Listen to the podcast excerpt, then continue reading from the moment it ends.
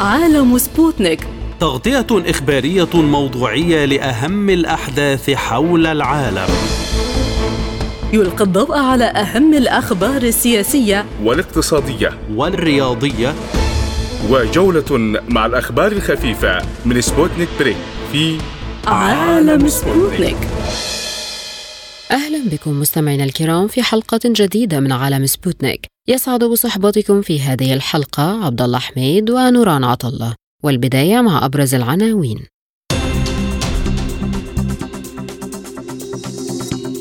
مشاركة واسعة في اجتماع جدة من أجل حل النزاع في أوكرانيا. السعودية والكويت والبحرين يطالبون رعاياهم بمغادرة لبنان في أسرع وقت. المجلس العسكري في النيجر يرفض تسليم السلطة قبل ساعات على انتهاء مهلة إكواس بالتدخل العسكري. السويد تؤكد أنها ستولي اهتماما خاصا للعلاقات مع الدول الإسلامية بعد حوادث حرق القرآن. اقتصاديا السعودية ترفع أسعار النفط لآسيا وأوروبا وسط شح المعروض.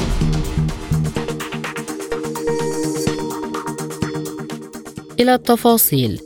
بمشاركة 42 دولة من بينها الولايات المتحدة والصين تختتم اجتماعات جدة التي تستضيف السعودية للبحث في سبل حل النزاع في أوكرانيا والاتفاق على مبادئ أساسية لتسوية سلمية مستقبلية تفضي إلى إنهاء المعارك. وأفادت مصادر أوروبية بأن المشاركين في المشاورات حول أوكرانيا في السعودية قرروا تشكيل مجموعات عمل لمناقشة عدة نقاط لتسوية الأزمة. وقالت المصادر الأوروبية إن موعد اجتماع رؤساء الدول لم يتحدد بعد لكنه قد يعقد قبل نهاية العام بينما المشاركة الحالية تأتي على مستوى مستشار الأمن القومي. وتحتضن جدة اجتماعات على مدى يومين حول تسوية سلمية للنزاع في أوكرانيا في ظل غياب الجانب الروسي. حيث حضر الحدث ممثلون من أكثر من ثلاثين دولة من بينها البرازيل وبريطانيا الهند الصين الولايات المتحدة وتركيا وجنوب أفريقيا بالإضافة إلى دول الاتحاد الأوروبي للمزيد من التفاصيل ينضم إلينا الكاتب والمحلل السياسي دكتور عبد الله العساف من الرياض. بعد التحية ماذا تعني هذه المشاركة الواسعة في اجتماع جدة؟ أنا أعتقد أنها تعني أمرين في غاية الأهمية، الأمر الأول هو أن هناك اجماعا دوليا أن هناك اجماعا دوليا على انه الأزمة الأوكرانية الروسية أزمة أمنية دولية. بدأت تتفاقم وبدأت أضرارها آه ربما تطال جميع دول العالم. والبحث والأمر الآخر هو البحث عن آه رؤية مشتركة آه تؤدي في النهاية إلى تقريب وجهات النظر وإلى القيادة قيادة الدولتين إلى طاولة المفاوضات. للوصول إلى سلام شامل. هل يمكن أن يكون هذا الاجتماع نواه لمفاوضات جده قادمة برعاية السعودية التي أظهرت حيادها في القضية؟ نعم أنا أتوقع ذلك وكان سبق هذا الأمر أيضا دعوة في, في الأيام الأولى من ولي العهد السعودي إلى الدولتين إلى إلى أوكرانيا وروسيا لأن السعودية تدعوهم اولا إلى أن تكون وسيطا بينهما وإلى إجراء مفاوضات مباشرة في المملكة العربية السعودية والجميل أنه السعودية اليوم تحتفظ بعلاقات جيدة مع كلا طرفي النزاع لوقوفها موقف إيجابي من هذه الأزمة. ولكن روسيا رحبت بكل الجهود من أجل السلام برغم أنها لم تشارك فلماذا؟ أنا سئلت كثيرا عن هذا السؤال وربما البعض فرح فيه كثيرا أو فسره بتأويلات لا تحتمل هذه التأويلات التي ذهب إليها المؤولون لكن في تقديري الخاص أنها ظاهرة صحية وإيجابية لأنها هي لا تبحث عن عن حل عفوا لا تبحث عن تفاوض مباشر هي تبحث عن بلوره رؤية مشتركة. هناك نقاط مهمة جدا يجب أن أن يتم التفاوض عليها ويتم بحثها. ثم نقلها أيضا إلى الجانب الروسي، الجانب الروسي مهم جدا وهو يشكل 50% من هذه الأزمة أو النصف الآخر المعني بها. فلا بد من بلورة رؤية اولا في البداية من خلال مسؤولي الأمن القومي وهذا بالمناسبة يدعم ما قلته في البداية أنه 40 دولة مسؤولي الأمن الوطني فيها هم المحاضرين في هذا الاجتماع، اذا البحث عن صيغة مشتركة يتم نقلها في المستقبل القريب بإذن الله إلى إلى روسيا. إذا يمكن القول إن موسكو تنتظر ما سيسفر عنه. هذا الاجتماع التشاوري من توصيات وبعدها تقرر ما الذي سيحدث في المستقبل؟ نعم بكل تأكيد. روسيا أيضا اليوم العالم أجمع يبحث عن آه، تسوية لهذه الأزمة أو صيغة تنهي هذه الأزمة والصيغة يجب أن تكون مرضية لجميع الأطراف. ليست آه، جائرة آه، لطرف على طرف ولكن يجب أن تكون متوافقا عليها. يجب أن تكون مرضية. يجب عزل جميع المغذيات الإقليمية والدولية التي تغذي الصراع في أوكرانيا آه، للبحث عن صيغة سلام شاملة. الأمر اليوم ربما يخرج عن السيطرة في المستقبل القريب. ربما تدخل أطراف ثالثة. ربما يتوزع النزاع خصوصا بالأمس إنه رأينا أوكرانيا تستهدف الموانئ الروسية وهذا تحول نوعي في عملية الصراع. عندما يتم استهداف المفاصل الحيوية سواء في الاقتصاد أو في البنى التحتية. ما هي توقعاتك لهذه المشاركة وهل ستنجح الجهود في حل هذا النزاع وكم من الوقت ستستغرق؟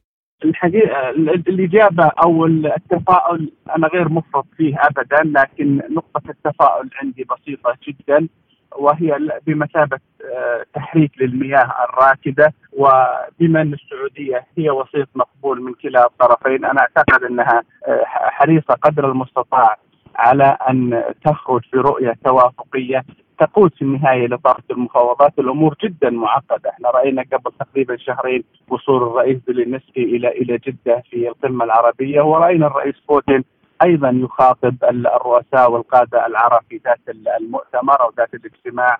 وبالتالي اليوم هناك رغبة مهمة جدا وثقة في السعودية بأنها ستقود هذه المفاوضات. والسعودية اليوم لديها خبرة كبيرة في في حل النزاعات وأصبحت بالمناسبة بيت خبرة دولي لفض الاشتباكات والنزاعات الكثيرة.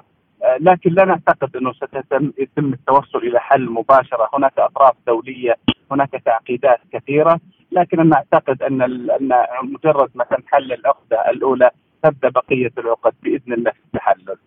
هل الجانب الأوكراني متحمس للوصول إلى حل والجلوس إلى طاولة المفاوضات بشكل جدي؟ آه، أنا أعتقد أنه نعم لأنه الحرب دائما الجميع خاسر فيها لكن آه، ليست المهم هي أوكرانيا، المهم هو من يقف خلف أوكرانيا، هذا أيضا بعد مهم جدا يجب أن يكون متحمس وأن يحمل ذات الحماسة ولديه رغبة في إنهاء هذه هذه الأزمة وهذا الصراع آه، لعله في الأزمة القريبة لأنه هذه الأزمة لم تحقق أهدافها. لا لا لروسيا ولا لأوكرانيا ولا لمن خلف أوكرانيا بل هي مرشحة لأن تتحول إلى حرب عالمية ثالثة لكن يجب احتوائها قبل أن تتفاقم الأزمة. دعت السفارة القطرية لدى بيروت رعاياها في لبنان إلى تجنب مناطق الاضطرابات الأمنية. وحذرت السفارة القطرية رعاياها الزائرين للبنان لاتخاذ الحيطة والحذر والابتعاد عن المناطق التي تشهد الأحداث الحالية والتقيد بالتعليمات الصادرة عن السلطات المحلية المختصة. وفي وقت سابق أعلنت وزارة الخارجية البحرينية أن المملكة طلبت من مواطنيها مغادرة الأراضي اللبنانية بسبب النزاع المسلح وذلك حفاظا على سلامتهم. كما نبهت السفارة الكويتية لدى لبنان رعاياها بالتزام الحيطة والحذر والابتعاد عن مواقع الاضطرابات الأمنية. وحذرت السفارة السعودية لدى لبنان أيضا رعاياها من التواجد أو الاقتراب من المناطق التي تشهد نزاعات مسلحة مطالبة المواطنين بمغادرة الأراضي اللبنانية بسرعة. يأتي ذلك على خلفية الاشتباكات المسلحة في مخيم عين الحلوة للاجئين الفلسطينيين والذي يشهد معارك بين عدة فصائل مسلحة منذ أكثر من أسبوع. للمزيد ينضم إلينا من بيروت دكتور هشام جابر رئيس مركز الشرق الأوسط للدراسات الاستراتيجية. بعد التحية دكتور هشام لماذا هذا التحذير الشديد رغم الاشتباكات آه، كانت في منطقة محدودة وهي عين الحلوة؟ نعم إن الاشتباكات اللي حصلت بعين الحلوة كانت يعني آه، خطيرة جدا وغير مسبوقة منذ ثمان سنوات تقريبا. منذ 2017 لم يحصل هكذا اشتباكات مع أن الاشتباكات يومية هذه الاشتباكات كان آه، مفترض أو مقدر لها إذا لم يتوقف إطلاق النار أن تتوسع. أنا برايي اولا إذا أخذنا الجانب الإيجابي من هذه القرارات التي احتملتها بعض الدول منها لإخلاء رعاياها فورا من لبنان ومنها أوسط رعاياها بأخذ الحذر كان شيء طبيعي آه، كل السفارات عندما يحصل أحداث يمكن تتطور تنبه آه، رعاياها أما بالنسبة للسعودية المملكة العربية السعودية أساسا تمنع رعاياها من زيارة لبنان إلا بإذن خاص. فإذا السعوديون الموجودون في لبنان هم آه، أتوا للاصطياد بأذون خاصة لأسباب عائلية لأسباب مختلفة ومنهم من كان خارج المملكة لذلك سمح لنفسه بالوصول إلى لبنان تعرف المملكة العربية السعودية هذا فالتأثير على السعوديين الموجودين في لبنان ليس كبيرا لأن عددهم ليس كبير. ثانيا آه إذا أخذنا كما يقول بعض أسباب سياسية يعني هي محاولة للضغط السياسي على لبنان بسبب ما.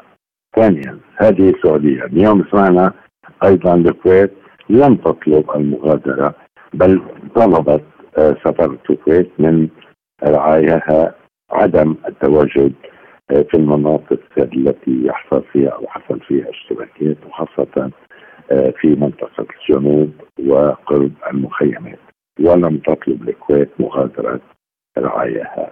سفارة عمان كمان صدر عنها اليوم أن لا تطلب أبدا من رعاياها مغادرة لبنان. كذلك جرى التصحيح مع اتصال مع السفارة الألمانية التي طالبت رعاياها بأخذ الحذر.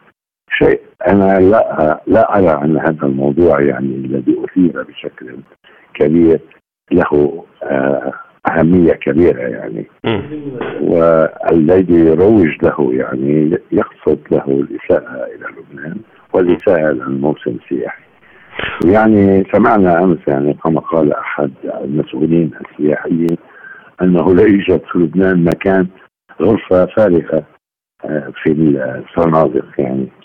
فأنا لا أرى أن هذا الموضوع يستحق هذه الأهمية الكبيرة التي اثيرت حوله. نعم. هل أزمة تصريحات وزير الاقتصاد اللبناني هي السبب وهناك رغبة خارجية في العقاب؟ نعم نعم. أما وزير الاقتصاد اللبناني ارتكب خطأ ما زل لسان أو شقعه قلم كما قيل. وأثير حولها كثير من التعليقات يعني انه طالب الكويت ببناء الاحراءات وبهذا الشكل الذي طلبه. حتى صار انتقاد من اللبنانيين يعني. انه كفى أن نشهد من الدول الخليجية وفي لبنان سياسيون يملكون المليارات. هذه التصريحات لوزير الاقتصاد اللبناني آه، أساءت الكويت وأساءت إلى حد ما إنما ليست تدعي أن تقوم الكويت بالطلب من رعاياها مغادرة لبنان. وهذه حصلت أزمات بين لبنان وبين الدول. بعض الدول الخليجية مما لا شك فيه يعني كما نرى أنه بعد أن آه، تحسنت العلاقات بين دول الخليج و آه، ولبنان وسوريا والمنطقة يعني أرى أنها تعثرت إلى حد ما كما نعلم خاصة بين المملكة العربية السعودية وسوريا وبين المملكة العربية السعودية وإيران أنه أجل فتح السفارة. فلذلك يعني كمان لا يمكن إنكار وجود خيط رفيع. بين هذه الضجة لا أقول هذا الطرف التي أثيرت حول الرعاية العرب و بين الوضع كيف يؤثر هذا الموقف الخارجي على لبنان الذي لا يحتاج لمزيد من التدهور؟ هو حتما يعني يؤثر على لبنان إنما ليس بالتاثير الدراماتيكي يعني تعودنا يعني تعودنا يعني أساسا لا يوجد يعني لا يوجد خطه لانقاذ لبنان من وضعه الاقتصادي، خطه المشكلة اللبنانية اللبنانية المشكلة في الفساد الموجود بلبنان والطبقة السياسية التي لم ترعوي والجميع يعرف ذلك. صحيح يتأثر لبنان بالصراع العربي العربي وبالصراع العربي الإيراني وبالنفوذ بين الدول الإقليمية. يتأثر كثيرا. كل مصالحة وكل تحسن في العلاقات واستقرار في المنطقة يؤثر إيجابيا على لبنان والعكس هو صحيح.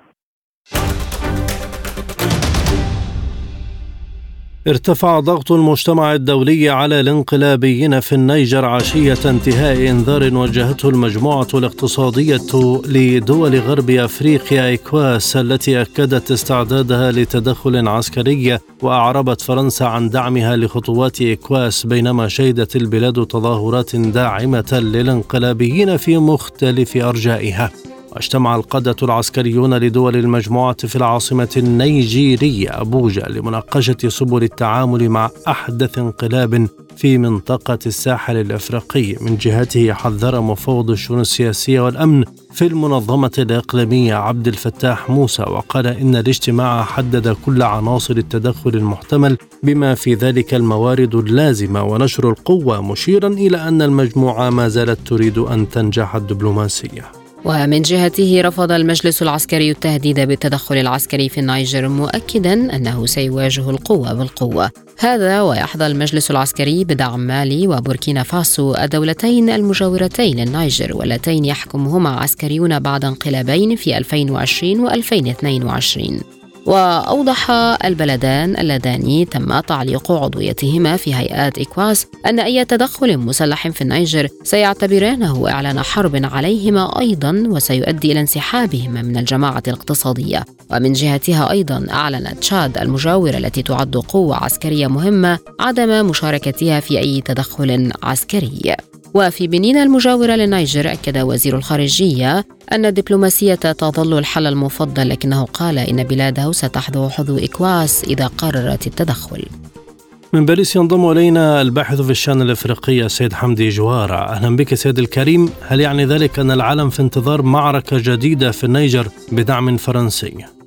العالم آه، ينتظر شيئا ما في النيجر إما بداية الحرب وإما التراجع عن خيار الحرب. يعني على كل حال المهله المهلة أوشكت على الانتهاء. إن لم تكن قد انتهت يعني بالفعل. كما ذكرت في لاكثر أكثر من مرة أن خيار التدخل سيكون صعبا جدا لأن الجيش في النيجر ليس جيشا سهلا فهو جيش قوي جدا. أيضا بالنسبة لخيار الحرب للإكواس فهي تعتمد أساسا على القوات الفرنسية الرابطه في نيامي أو في في العاصمة نيامي. وأنا بالنسبة لي أرى أن فرنسا لا يمكنها ابدا أن أن أن تتحرك بنفسها إذا لم تتحرك الإكواس.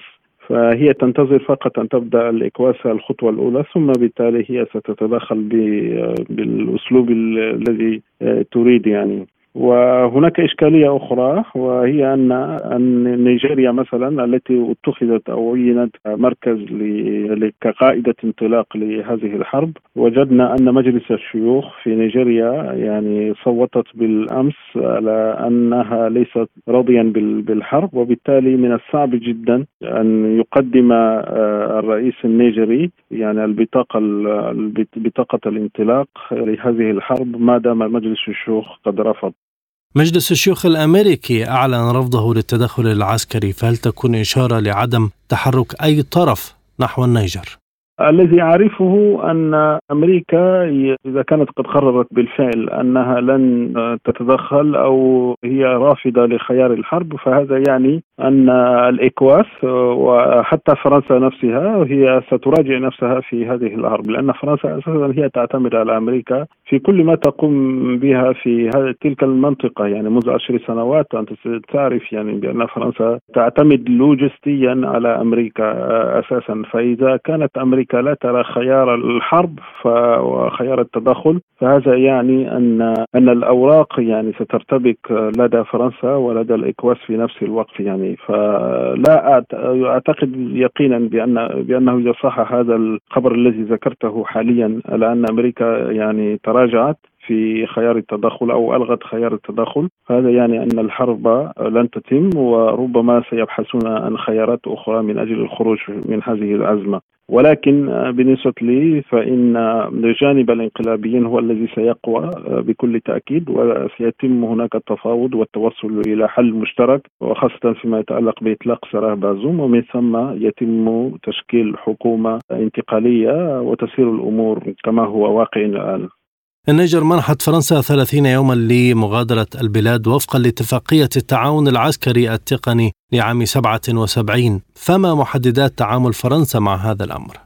الذي لاحظناه أن وزير خارجية فرنسا السيده كولونا هي خرجت بالأمس وأخبرت بأنها لن تأتمر بأوامر الانقلابيين وبالتالي هي ستعتمد فقط على ما ما سيقوله وما سيقرره بازوم وحاشيته وهم الآن ليسوا في في الحكم فبالتالي لا أدري يعني كيف ستتصرف في حيال هذا الأمر. المهم بالنسبة لي أن فرنسا ستمضي تمضي في طريقها فقط إذا تمت الحرب ولن تعتمر بهذه الأوامر في حال نجحوا ربما في انتشال الرئيس بازوم ومن ثم القضاء على الانقلابيين. وهذا ربما ليس خيارا أو ليس خيارا متصورا حاليا بالنسبة للتطورات التي نراها ونشهدها ونلمسها حاليا. فبالتالي إذا لم يتم التدخل وكذلك يعني ذهبنا إلى خيار الحل السلمي فأعتقد بأن فرنسا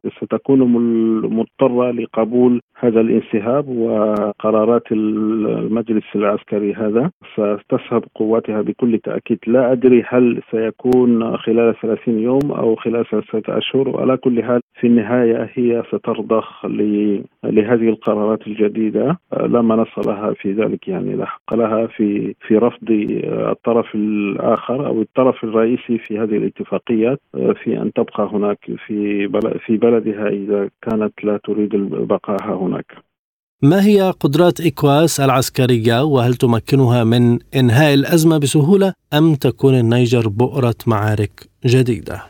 يعني الإكواس أساسا ليست لديها قوة يعني إقليمية من أجل آه، التدخل العسكري في هذه البلاد. صحيح أنها سبقت أن قامت بعدة تدخلات ولكن هي لم خلال يعني تقريبا عشر سنوات هذه القوات لا أظن بأنها يعني آه، كانت موجودة في مكان وبالتالي حتى نيجيريا التي نعتبرها مثلا كقوة كبيرة في المنطقة فالملاحظة على أن أن نيجيريا الجيش النيجري ليس بهذه القوة التي نتصورها لأنها يعني بقيت أكثر من 20 سنة وهي تحارب بوك بوكو حرام وللأسف يعني لم تتمكن حتى الآن من أجل إزالتها نهائيا. وبالتالي فالقول بأنها ستتدخل أو ستقود هذه المعركة وخاصة مع رفض مجلس الشيوخ هذا القرار فإن الرئيس النيجيري لا أظن بأنه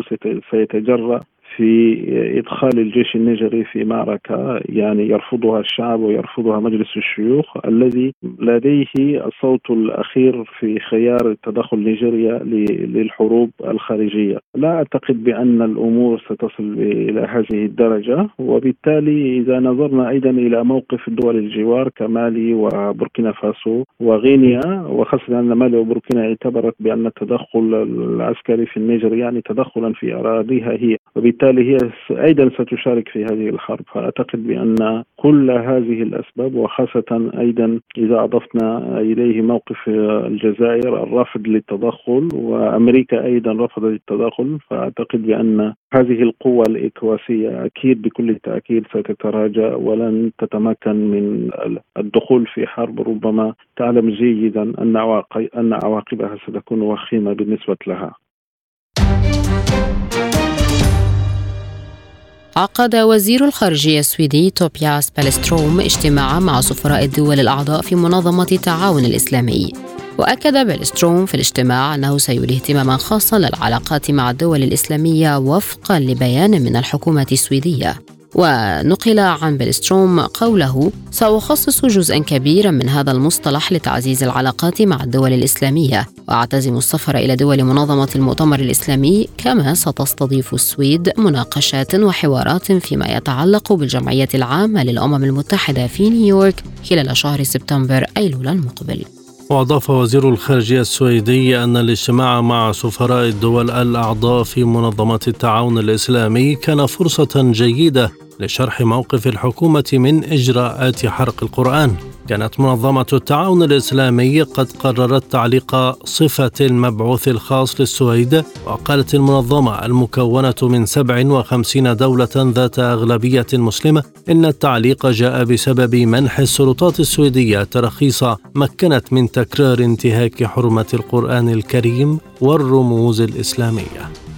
وللمزيد من التفاصيل ينضم إلينا من لندن أستاذ عبد الباري عطوان رئيس تحرير الرأي اليوم. بعد التحية كيف يمكن أن تفعل السويد ذلك وهل بالفعل بدأت تعاني نتيجة حملات المقاطعة الاقتصادية لها من الدول الإسلامية؟ والله يعني السويد آه، يجب أن تتعلم درس جيدا لأنه حرق القرآن إساءة لأكثر من ملياري مسلم في العالم. وهذه المقاطعة التي بدأت في الكثير من الدول الإسلامية للبضائع السويدية بدأت تعطي آه، ثمارها من حيث انه السويد اللي كانت مقبولة من قبل المسلمين بسبب مواقفها المعتدلة والداعمة لبعض القضايا الإسلامية وخاصة القضية الفلسطينية الآن باتت مكروهة وتواجه كراهية غير عادية، فالمأمول أن تغير السويد مواقفها أن تحترم القرآن الكريم، أن تحترم الدين الإسلامي، أن تحترم العلاقات مع الدول الإسلامية وتعززها وتستطيع هي أن تتخذ الإجراءات بوقف هذه المهزلة التي تتجسد في حرق القرآن الكريم. وزير العدل السويدي كان قد تحدث عن تعديل القوانين لكي لا تسمح بمثل هذه الأحداث، لكن كم من الوقت يستغرق ذلك؟ تصريحات وزير العدل السويدي بتعديل القوانين يجب أن يتم وينتقل من مسألة الوعود إلى التطبيق العملي والترجمة العملية. السويد تستطيع إذا أرادت أن تقيم علاقات جيدة مع ملياري مسلم ودولهم تستطيع أن تعدل هذا القانون الذي ليس له علاقة على الإطلاق بحرية التعبير. هناك فرق كبير جدا بين حرية التعبير وبين حرية الإساءة والإهانة للشعوب والديانات الأخرى، نعم يجب أن يعدل هذا القانون، هناك دول فعلا لا تسمح بمثل هذه الإساءات وهذه الاختراقات، فنرى تطبيقا عمليا لهذا الكلام وبأسرع وقت ممكن وهذا سينقذ سمعة السويد التي تدهورت بشكل كبير جدا. هناك أنباء عن توتر قادم في الحكومة السويدية واحتمالات انتخابات مبكرة فما حقيقة هذه الأنباء وهل لها علاقة بمسألة حرق المصحف؟ نعم لها علاقة بمسألة حرق المصحف لأنه أمن السويد أصبح مهددا كمان أنه السويد حتى هذه اللحظة لم تنجح في الانضمام إلى حلف الناتو بسبب الفيتو التركي. وأعتقد أن هناك علاقة لتأجيل يعني إعطاء الضوء الأخضر للناتو للقبول بعضوية السويد بسبب هذا هذه الانتهاكات السويدية، الأمر الآخر والخطير هناك جالية آه، إسلامية سويدية. هذه يعني بدأت فعلا تؤثر على الحكومات السويدية. وبدأت أيضا تمارس ضغوطا لتغيير هذا الموقف ويعني إسقاط الحكومة اليمينية الحالية. الأمر الآخر أيضا لا ننسى اللي هو المقاطعة للبضائع السويدية، السويد تبحث عن يعني آه، آه، تسويق بضائعها خاصة في الوقت الحالي اللي بتعاني فيه أوروبا بالكثير من الأضرار الاقتصادية والانكماش الاقتصادي وارتفاع التضخم، فالسويد عندما تسقط هؤلاء اليمينيين هي تنقذ نفسها وتنقذ اقتصادها ولا تنقذ القرآن الكريم لأن القرآن الكريم كتاب مقدس وسيستمر ومقبولا من من الكثيرين من الشرفاء في العالم. كيف تقيم أداء منظمة التعاون الإسلامي كمنظمة دولية تقع عليها مسؤولية المسلمين في جميع أنحاء العالم إزاء هذا الحدث؟ من المؤسف أن رده فعل منظمه التعاون الإسلامي كان أقل كثيرا من المطلوب وكان باهتا يعني كان على منظمة التعاون الإسلامي أن تقف إلى جانب المليار المليارين من العالم الإسلامي الذين أو تقول إنها تمثلهم هؤلاء الذين يطالبون بفرض عقوبات على السويد للأسف الاجتماع كان يعني أقل كثيرا من التوقعات وأعتقد أن منظمة العالم الإسلامي فقدت الكثير من هيبتها والكثير من احترام المسلمين في العالم تجاهها. فلا يعني هذه المواقف المائعة هذه المواقف الضعيفة هذه المواقف التي لا ترتقي إلى مستوى الغضب الإسلامي فيما يتعلق بحرق القرآن الكريم. هذه المواقف حقيقة مخجلة بكل ما تعنيه هذه الكلمة من معنى. رفعت السعودية جميع أسعار نفطها تقريبا لشهر سبتمبر إلى آسيا وأوروبا إذ أدت قيود العرض وتزايد الطلب إلى شح سوق النفط الخام. وزادت أرامكو السعودية المملوكة للدولة سعر البيع الرسمي للخام العربي الخفيف لآسيا 30 سنتا إلى 3.5 دولار للبرميل فوق المؤشر المرجعي وفقا لقائمة أسعار اطلعت عليها بلومبيرغ كان من المتوقع أن ترفع المملكة السعر 50 سنتا للبرميل وفقا لمتوسط مسح لشركات التكرير والمتعاملين. تأتي هذه الخطوة بعد أن مددت السعودية أكبر مصدر للنفط في العالم خفضا أحادي الجانب للإمدادات حتى سبتمبر إذ قالت إنه يمكن إطالة أمده أكثر أو حتى زيادته كما تعهدت روسيا بخفض صادراتها. وسجل النفط مكاسب للأسبوع السادس على التوالي في أطول سلسلة مكاسب في أكثر من عام بعد أن مددت أكبر قوتين في أوبك بلس التخفيضات. وهبطت المخزونات الأمريكية بمقدار قياسي. تأتي التخفيضات الأحادية علاوة على تخفيضات أخرى قائمة. بالفعل اتخذتها مجموعة أوبك بلس الأوسع حتى نهاية العام الجاري. ويراجع وزير الطاقة السعودي الأمير عبد العزيز بن سلمان التخفيضات الطوعية على أساس شهري مما يبقي الأسواق في حالة تكهن بشأن مستويات الإمدادات. من لندن ينضم إلينا الدكتور نهاد إسماعيل الخبير الاقتصادي. أهلا بك دكتور. كيف يؤثر ذلك على الوضع في أوروبا خاصة مع الأزمة المستمرة مع روسيا؟ في الواقع هذا ليس جديدا في المنتج منتجي النفط منتجو النفط عادة عندما يشعروا أن السوق قادر على استيعاب آه، ارتفاع الأسعار يرفعون السعر لبعض المناطق خاصة آسيا بعض الخامات التي عليها طلب شديد ولكن المشكلة الآن هو تشدد الإمدادات بسبب التخفيضات الكبيرة التي بدأتها أوبك بلس وقررتها في حزيران يونيو 2023 وثم التخفيض الطوعي السعودي بواقع مليون برميل يوميا وكذلك التخفيض الروسي 300 ألف برميل يوميا وتمديده لشهور مقبلة، لذلك هناك تشدد في الأسواق والطلب بدأ يتعافى خاصة الطلب الصيني سيرتفع في الشهور المقبلة، لذلك توقعات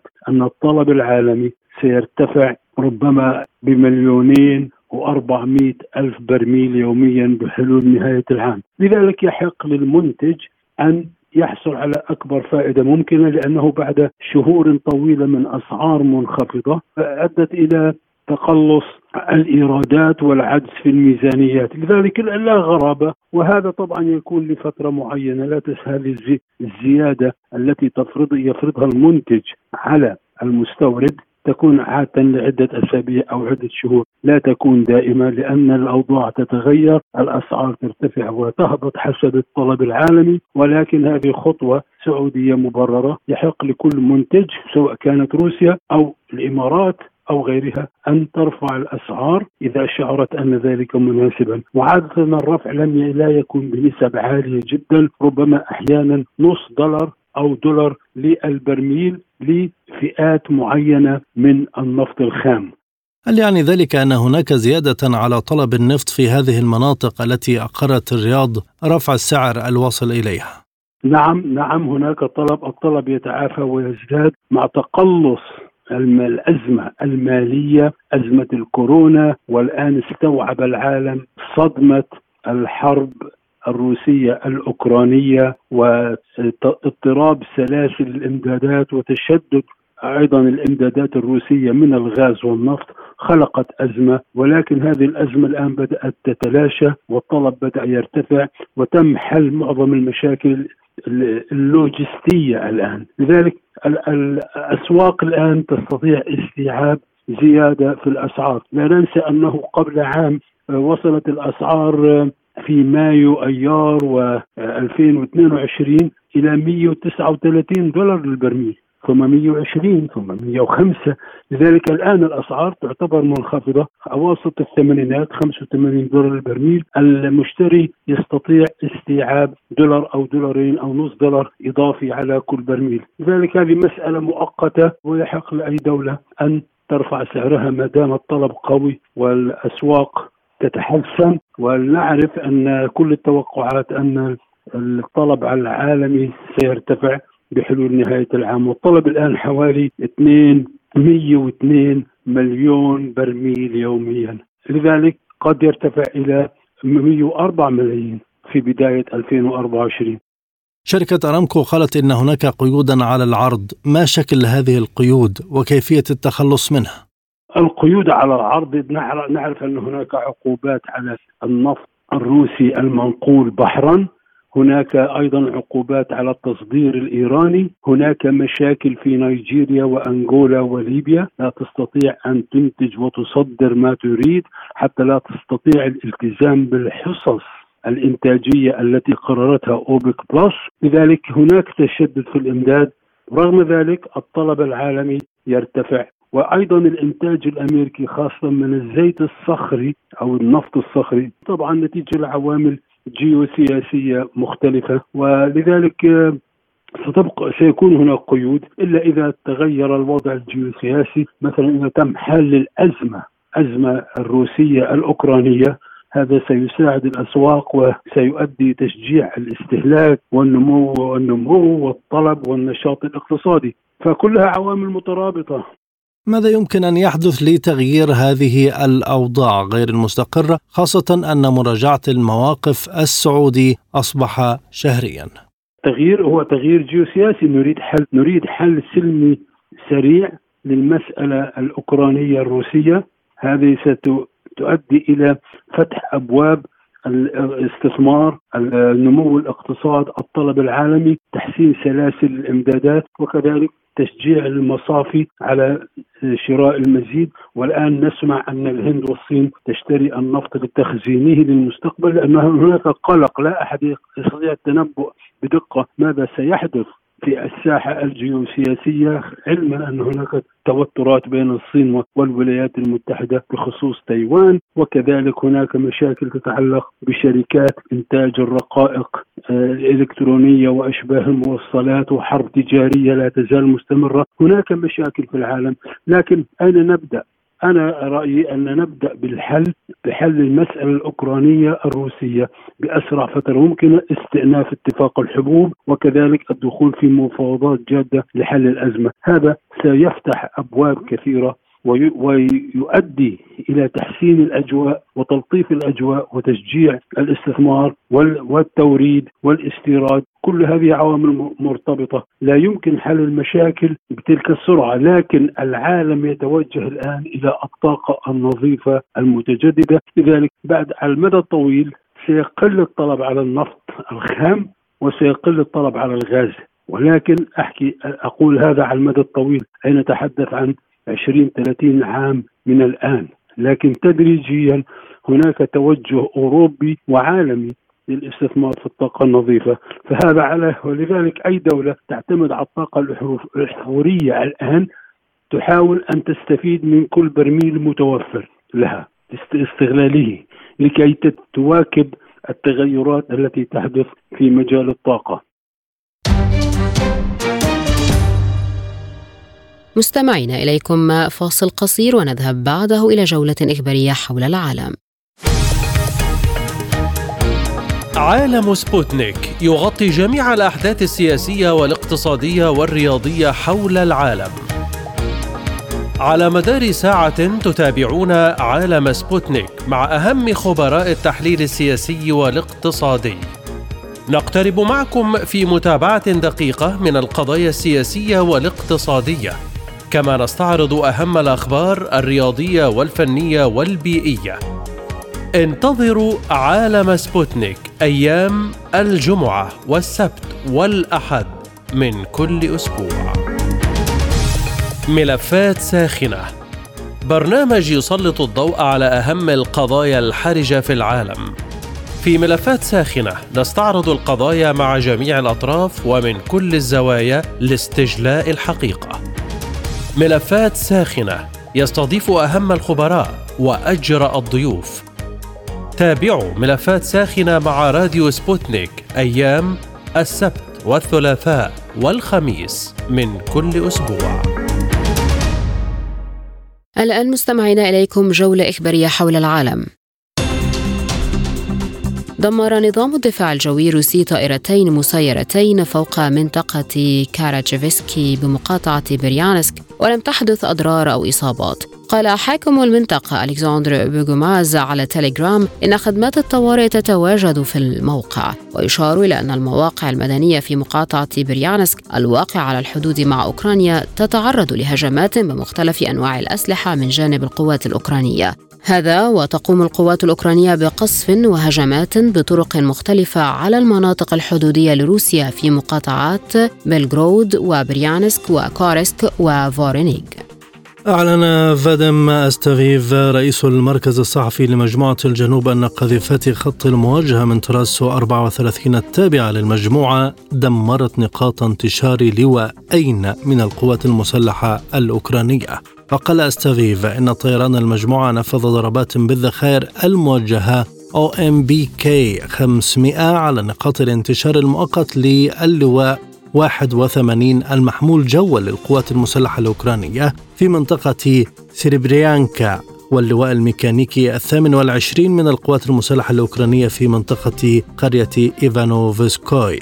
ويتم وضع وحدة التخطيط والتصحيح على قنبلة سقوط حر تقليدية مما يحولها إلى قنبلة موجهة. تحتوي الوحدة على جناح قابل للطي ومقود وبالإضافة إلى نظام تحكم يوجه الذخيرة إلى الهدف في الوضع التلقائي. أعلن الجيش السوداني تكبيد قوات الدعم السريع عشرة القتلى وتدمير عشر من العربات العسكرية لها أثناء هجومها على مواقعه في محيط سلاح المدرعات جنوبي الخرطوم. وقال المتحدث باسم الجيش نبيل عبد الله في تسجيل صوتي إن قوات الدعم السريع حاولت مهاجمة ارتكازات الجيش في محيط سلاح المدرعات واشتبكت مع القوات. وأضاف أنه استطاعت قوات الجيش دحر العدو وتكبيده خسائر كبيرة في الأرواح وخلفت عشرة القتلى والجرحى ودمرت عشر مركبات عسكرية. وفي وقت سابق أعلنت الدعم السريع أنها أحبطت محاولة لفك حصار سلاح المدرعات جنوبي الخرطوم. وأضافت أن قوات الجيش حاولت فك الحصار المفروض عليها في محيط سلاح المدرعات جنوبي الخرطوم واصطدمت بقوات الدعم التي أحبطت مغامراتهم وطاردتهم إلى داخل معسكرهم مخلفين وراءهم خسائر كبيرة في الأرواح والعتاد والأسرى. نفى العراق مزاعم متداولة بشأن التنازل عن قضية أم قصر بمحافظة البصرة جنوبي البلاد للكويت. وشدد المتحدث باسم وزارة الخارجية العراقية أحمد الصحاف على أن الحدود البرية بين العراق والكويت لم ولن يتطرق إليها التغيير منذ تثبيتها رسميا. وتابع موضحا أن المساكن الحكومية الكائنة بمحاذاة الدعامات الحدودية التي أثرت ضجة إعلامية بين العراق والكويت تقع على أرض عراقية قبل تشييدها ولفت الصحافي إلى أن الترسيم الحدودي البري مع الجانب الكويتي جاء وفقا لقرار مجلس الأمة المرقم 833 لعام 1993 الذي تبدي حكومة العراق التزامها التام بشأنه. من ناحيته أكد وزير الإعلام الكويتي السابق سامي عبد اللطيف النصف إن ما أثير مؤخرا بعيد كل البعد عن الواقع والحقيقة ولا يوجد تنازل عراقي عن أم قصر أو أي شبر من الأراضي العراقية للكويت ولا إشكالات بين البلدين في هذا الخصوص. نفى الرئيس الجزائري عبد المجيد تبون وجود أي تعديلات بخصوص زيارته الأولى إلى فرنسا مؤكدا أنها ما زالت قائمة. وقال إن زيارته إلى فرنسا لم تلغى وإنما ينتظر برنامجها من الرئاسة الفرنسية. كما أكد الرئيس الجزائري تبون أن زيارته إلى فرنسا ليست زيارة سياحية للتنزه وستكون زيارة تبون إلى فرنسا هي الأولى له منذ وصوله إلى الحكم في ديسمبر كانون الأول 2019 حذر الأمين العام للأمم المتحدة أنطونيو غوتيريش من أن طبول الحرب النووية تدق مرة أخرى وحث في رسالة بمناسبة الذكرى الثامنة والسبعين للقصف الذري على هيروشيما المجتمع الدولي على التعلم من الكارثة النووية التي حلت بالمدينة اليابانية في السادس من أغسطس عام 45 وأكد أن المنظمة ستواصل العمل مع قادة العالم لتعزيز النظام العالمي ونزع السلاح وعدم الانتشار بما في ذلك من خلال معاهدة عدم انتشار الأسلحة النووية ومعاهدة حظر الأسلحة النووية.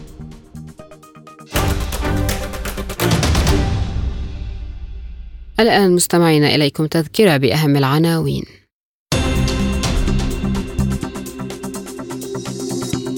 مشاركة واسعة في اجتماع جدة من أجل حل النزاع في أوكرانيا.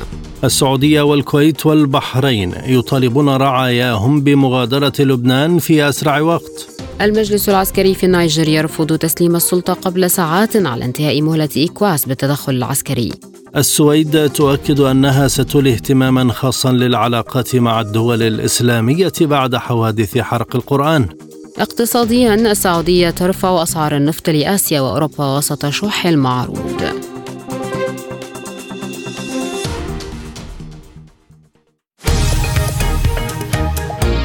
عالم سبوتنيك يغطي جميع الأحداث السياسية والاقتصادية والرياضية حول العالم.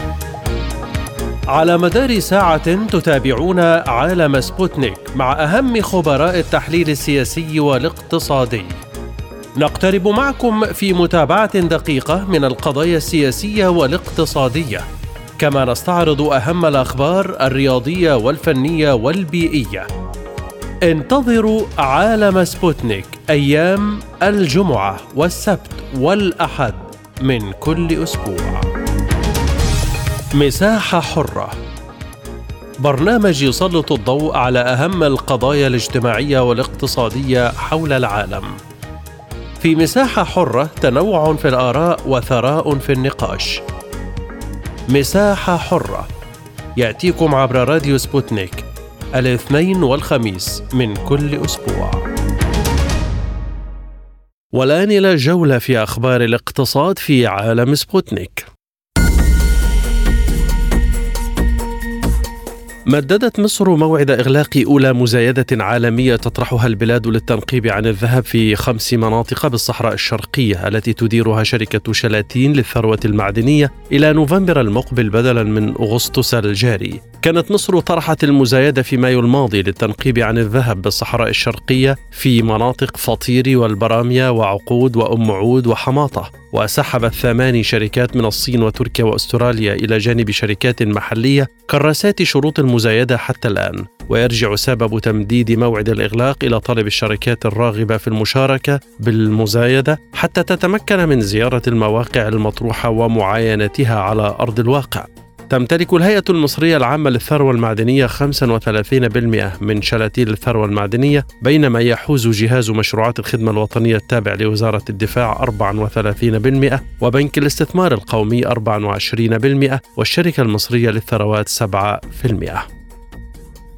وما زلنا في مصر حيث كشفت هيئة قناة السويس عن موعد بدء أعمال انتشال القاطرة الغارقة. وفي تغريدة على حسابها الرسمي في منصة إكس تويتر سابقا قالت هيئة قناة السويس من المقرر أن تبدأ أعمال انتشال القاطرة الغارقة عقب مرور السفينة الأخيرة من قافلة الجنوب. وقبل ذلك أعلن رئيس هيئة قناة السويس الفريق أسامة ربيع نجاح فريق الإنقاذ البحري في تحديد موعد القاطرة الغارقة في الكيلو 51 من ترقيم القناة. وأكد أن حركة الملاحة بالقناة لم تتوقف من اتجاه الشمال حيث عبرت جميع سفن القافلة ولم تتأثر بسبب الحادث. وأشار الفريق ربيعي إلى أن جهود الفريق الانقاذ البحري نجحت في إنقاذ ستة أفراد من طاقم القاطره الغارقة وتم نقلهم إلى المستشفى للاطمئنان على حالتهم الصحية وحالتهم جميعا مستقرة. أعلنت الحكومة الأرجنتينية أنها اقترضت 775 مليون دولار من قطر لسداد جزء من ديونها لصندوق النقد الدولي بانتظار موافقة الصندوق على صرف دفعة من قرض لبوينس آيرس بقيمة 7 مليارات دولار ونصف المليار. وقال مصدر بوزارة الاقتصاد الأرجنتينية إن العملية تسمح لقطر بإقراض الأرجنتين من حقوق السحب الخاصة بما يعادل 775 مليون دولار. وأضاف أنها المرة الأولى في التاريخ التي تجري فيها قطر عملية ائتمانية مع الأرجنتين مضيفا أن ذلك يتيح للدولة الأمريكية الجنوبية دفع دين مستحق عليها دون استخدام احتياطياتها. وتفاوض وزير الاقتصاد الأرجنتيني سيرخيو ماسا بسرية تامة على العملية مع فريق اقتصادي قطري. وتسعى الأرجنتين لحلول مبتكرة من أجل احترام تعهداتها وفي الوقت نفسه تجنب استنزاف جديد لاحتياطياتها المتدنية من العملات الأجنبية. وتم أمس الجمعة تطبيق القرض القطري لسداد فائدة مستحقة على الأرجنتين. يذكر أن الأرجنتين سددت لصندوق النقد الدولي الاثنين الماضي ديونا مستحقة بقيمة ملياري دولار فاصل سبعة من عشرة باليوان الصيني وذلك من خلال تبادل عملات مع الصين إضافة إلى قرض قصير الأجل بقيمة مليار دولار من مؤسسة تنمية الإنديز. أنفقت أندية الهلال والاتحاد والنصر والأهلي التي تم تحويلها لشركات ونقل 75% من ملكيتها إلى صندوق الاستثمارات العامة السعودي 455 مليون دولار حتى الآن على صفقات شراء لاعبين عالميين بما يمثل 94% من إجمالي إنفاق أندية كرة القدم السعودية هذا الموسم. ويضع دور المحترفين في المملكة بين الدوريات الأعلى جذبا للنجوم في العالم. السوق السعودية تحولت إلى منافس قوي للدوريات الخمسة الكبرى إنجلترا وإسبانيا وإيطاليا وألمانيا وفرنسا. وذلك على صعيد حجم الإنفاق واستقطاب الأسماء اللامعة التي بدأت في يناير الماضي بضم البرتغالي كريستيانو رونالدو إلى صفوف النصر. والآن مع أخبار الرياضة في عالم سبوتنيك. انتزع نادي الهلال بطاقة التأهل إلى الدور نصف النهائي لبطولة كأس الملك سلمان للأندية لكرة القدم من نادي الاتحاد إثر فوزه عليه بثلاثة واحد في الكلاسيكو السعودي. ووقع على ثلاثية نادي الهلال الزعيم كل من اللاعبين الصربي سيرجي ميلينيكوفيتش والسعودي سالم الدوسري والبرازيلي مالكوم في الدقائق الرابعة عشرة والثامانية والأربعين من ركلة جزاء وفي الدقيقة السبعين على الترتيب. في المقابل سجل المهاجم البرازيلي رومانيو هدف اتحاد جدة اليتيم عند الدقيقة السادسة والخمسين بينما أهدر زميله المهاجم الفرنسي كريم بنزيما ركلة جزاء بحلول الدقيقة الثامنة والسبعين مضيعا معها فرصة العودة إلى المباراة التي جرت على ملعب مدينة الأمير سلطان بن عبد العزيز الرياضية بمدينة أبها السعودية. طالب النجم المغربي عبد الرزاق حمد الله مهاجم نادي اتحاد جدة السعودي من إدارة ناديها الرحيل عن الفريق خلال فترة الانتقالات الصيفية الحالية. وغاب حمد الله بشكل مفاجئ عن تشكيلة فريقه في المباراة التي خسرها أمام الهلال 3-1 مساء السبت. في قمة ربع نهائي كأس الملك سلمان للأندية العربية.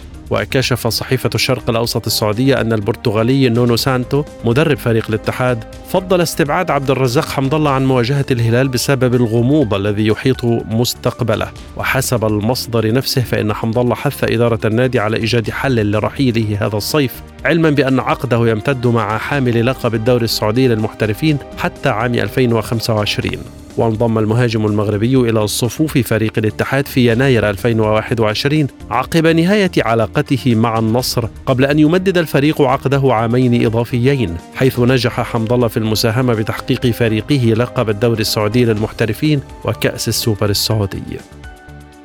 تراجعت حظوظ نادي تشيلسي في التعاقد مع الموهبة البرازيلية ديفيد واشنطن دا سوزا بعد تأخر إدارة النادي في تقديم عرض جاد لإدارة نادي سانتوس البرازيلي. الجناح الأيسر للبرازيل صاحب الثمانية عشر عاما أقرب في الوقت الحالي من الانضمام لصفوف موناكو الفرنسي حسب ما أكده موقع فوت ميركاتو الفرنسي. وأجرى تشيلسي محادثات مع سانتوس بشأن صفقة ديفيد واشنطن بهدف إعارته لنادي ستراسبورغ الفرنسي حتى نهاية الموسم المقبل. لكن موناكو عرض منح اللاعب فرصة للمشاركة بصفة دائمة فور انضمامه للفريق خلال الموسم الجديد. ويؤيد ديفيد واشنطن الانتقال إلى موناكو خلال الميركاتو الصيفي الحالي رغم موافقته في وقت سابق على الالتحاق بتشيلسي غير أنه لم يحبذ فكرة إعارته لستراسبورغ. أكد الاتحاد الدولي لكرة القدم الفيفا أنه يحقق في شكوى مزعومة تتعلق بسوء سلوك على صلة بمنتخب زامبيا الذي شارك في بطولة كأس العالم للسيدات لكرة القدم المقامة في أستراليا ونيوزيلندا حاليا. ونشرت صحيفة الجارديان البريطانية مزاعم بأن لاعبات منتخب زامبيا شاهدن المدير الفني بروس موابي يتحرش بلاعبة عن طريق اللمس بشكل غير لائق خلال حصة تدريبية. وقال فيفا في بيان أرسل عبر البريد الإلكتروني أنه يأخذ أي ادعاء بسوء السلوك على محمل الجد ولديه إجراءات واضحة مطبقة لأي شخص في كرة القدم يريد الإبلاغ عن مثل هذا الحادث. وغادر منتخب زامبيا المونديال بعد أول ظهور من نوعه بالنسبة له من دور المجموعات عقب الخسارة أمام إسبانيا واليابان والفوز على كوستاريكا. وبدوره قال الاتحاد الزامبي لكرة القدم إنه لم يتلقى شكوى بشأن سوء سلوك لكنه سيتصرف إذا تلقى تلك الشكوى أو تلقى دليلا على ارتكاب مخالفة.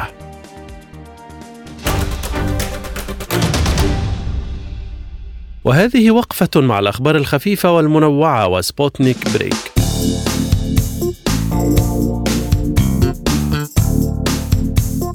حذرت دراسة جديدة من أن درجات الحرارة العالية التي تشهدها دول العالم خلال السنوات الأخيرة لها تأثيرات خطيرة على الصحة العقلية لسكان الأرض، وأكدت الدراسة الصادرة عن جامعة بايلور الطبية الأمريكية أن الحرارة العالية لها تأثيرات أكبر على الأشخاص الذين يعانون من حالات صحية عقلية وكذلك الذين يتعاطون الكحوليات، وأشارت إلى أن الحرارة العالية لها تأثير مباشر على مادة السيروتونين وهي الناقل العصبي الأساسي الذي ينظم المزاج مما يترتب عليه انخفاض مستويات السعادة أو الفرح وزيادة مستويات التوتر والإرهاق. بالتالي أصدرت شركة أبل الأمريكية تحذيرا لمستخدمي آيفون في الوقت الذي تستعد فيه لإصدار نظامها الجديد iOS 17 وقالت صحيفة مترو البريطانية إذا كنت تمتلك آيفون 8 أو إكس فقد حان الوقت للتخلي عنهما لأنهما لن يدعما تحديث iOS 17 القادم. تم إصدار هذين الهاتفين في عام 2017 وعادة ما تتوقف أبل عن دعم طرازات آيفون القديمة بعد ست سنوات. ولن يتمكن مالكو آيفون 8 وآيفون إكس من الحصول على آخر تحديثات البرامج أو الميزات وسيفقدون أيضا جميع التحديثات الأمنية الجديدة مما يجعل الهواتف أكثر عرضة للتهديدات مثل البرامج الضارة والفيروسات ومن المتوقع أن يتم إصدار iOS 17 في منتصف سبتمبر 2023 مما يعني أن أمام المستخدمين مهلة مدتها نحو 30 يوماً. قال إيلون ماسك إن منصة التواصل الاجتماعي التي يملكها إكس تويتر سابقا ستمول التكاليف القانونية لمن تعرضوا لمعاملة غير عادلة من جانب أرباب أعمالهم بسبب النشر أو إبداء الإعجاب بمنشورات على الموقع الذي كان يحمل سابقا اسم تويتر. وكتب ماسك في تغريدة على المنصة إذا عملت بشكل غير عادل من قبل صاحب العمل بسبب منشور أو الإعجاب بمنشور على هذه المنصة فسنقوم بتمويل فاتورتك القانونية. ولن تكون هناك حدود لتمويل التكاليف معلنا أن أواخر الشهر الماضي سيصل عدد المستخدمين الشهريين لإكس إلى مستوى جديد. ونشر ماسك رسما بيانيا أظهر أن العدد تجاوز 540 مليونا. وجاءت الأرقام في وقت تمر فيه الشركة بتغييرات تنظيمية وتسعى لزيادة إيرادات الإعلانات التي تراجعت. وغير ماسك في يوليو المنصرم شعار الطائر الأزرق الذي اشتهرت به تويتر على مدار 17 عاما ورمز إلى نشر الأفكار حول العالم. كما عدل الاسم إلى إكس وغير الشعار بما يعكس التركيز على تطوير تطبيق لكل شيء.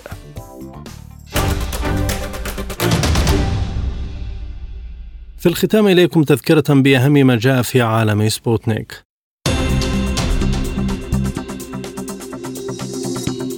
مشاركة واسعة في اجتماع جدة من أجل حل النزاع في أوكرانيا. السعودية والكويت والبحرين يطالبون رعاياهم بمغادرة لبنان في أسرع وقت. المجلس العسكري في النيجر يرفض تسليم السلطة قبل ساعات على انتهاء مهلة إكواس بالتدخل العسكري. السويد تؤكد أنها ستولي اهتماما خاصا للعلاقات مع الدول الإسلامية بعد حوادث حرق القرآن. اقتصاديا السعودية ترفع أسعار النفط لآسيا وأوروبا وسط شح المعروض.